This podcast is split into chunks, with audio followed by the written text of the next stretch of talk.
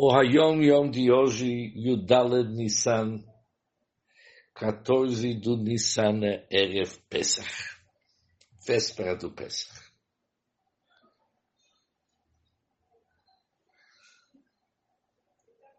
Aqui ele escreve que naquele ano, hoje, esse ano para nós é diferente, mas naquele ano, Bedikat Hametz, depois do Arvit, é Bedikat Hametz.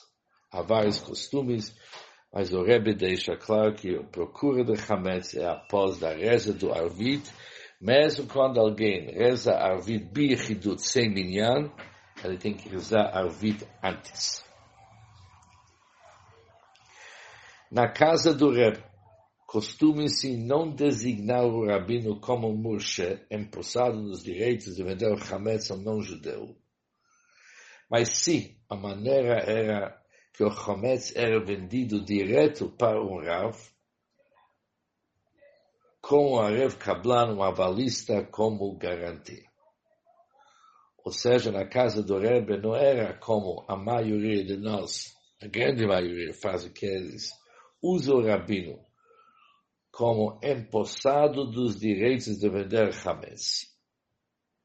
Mas eles venderam direto para o rabino e o rabino vendeu depois o Hametz para um não-judeu.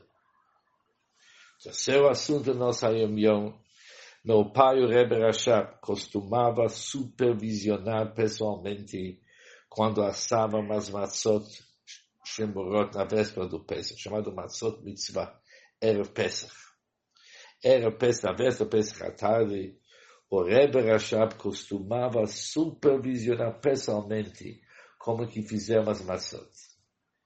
Ele também recitava o Halel, conforme o costume que era Pesach, quando se assa as maçãs se fala Halel, porém o interrompia mesmo no meio de um capítulo para dar instruções quanto ao preparo da massa, as salas no forno e outras coisas do gênero, ele parava para dar instruções mesmo no meio de um capítulo.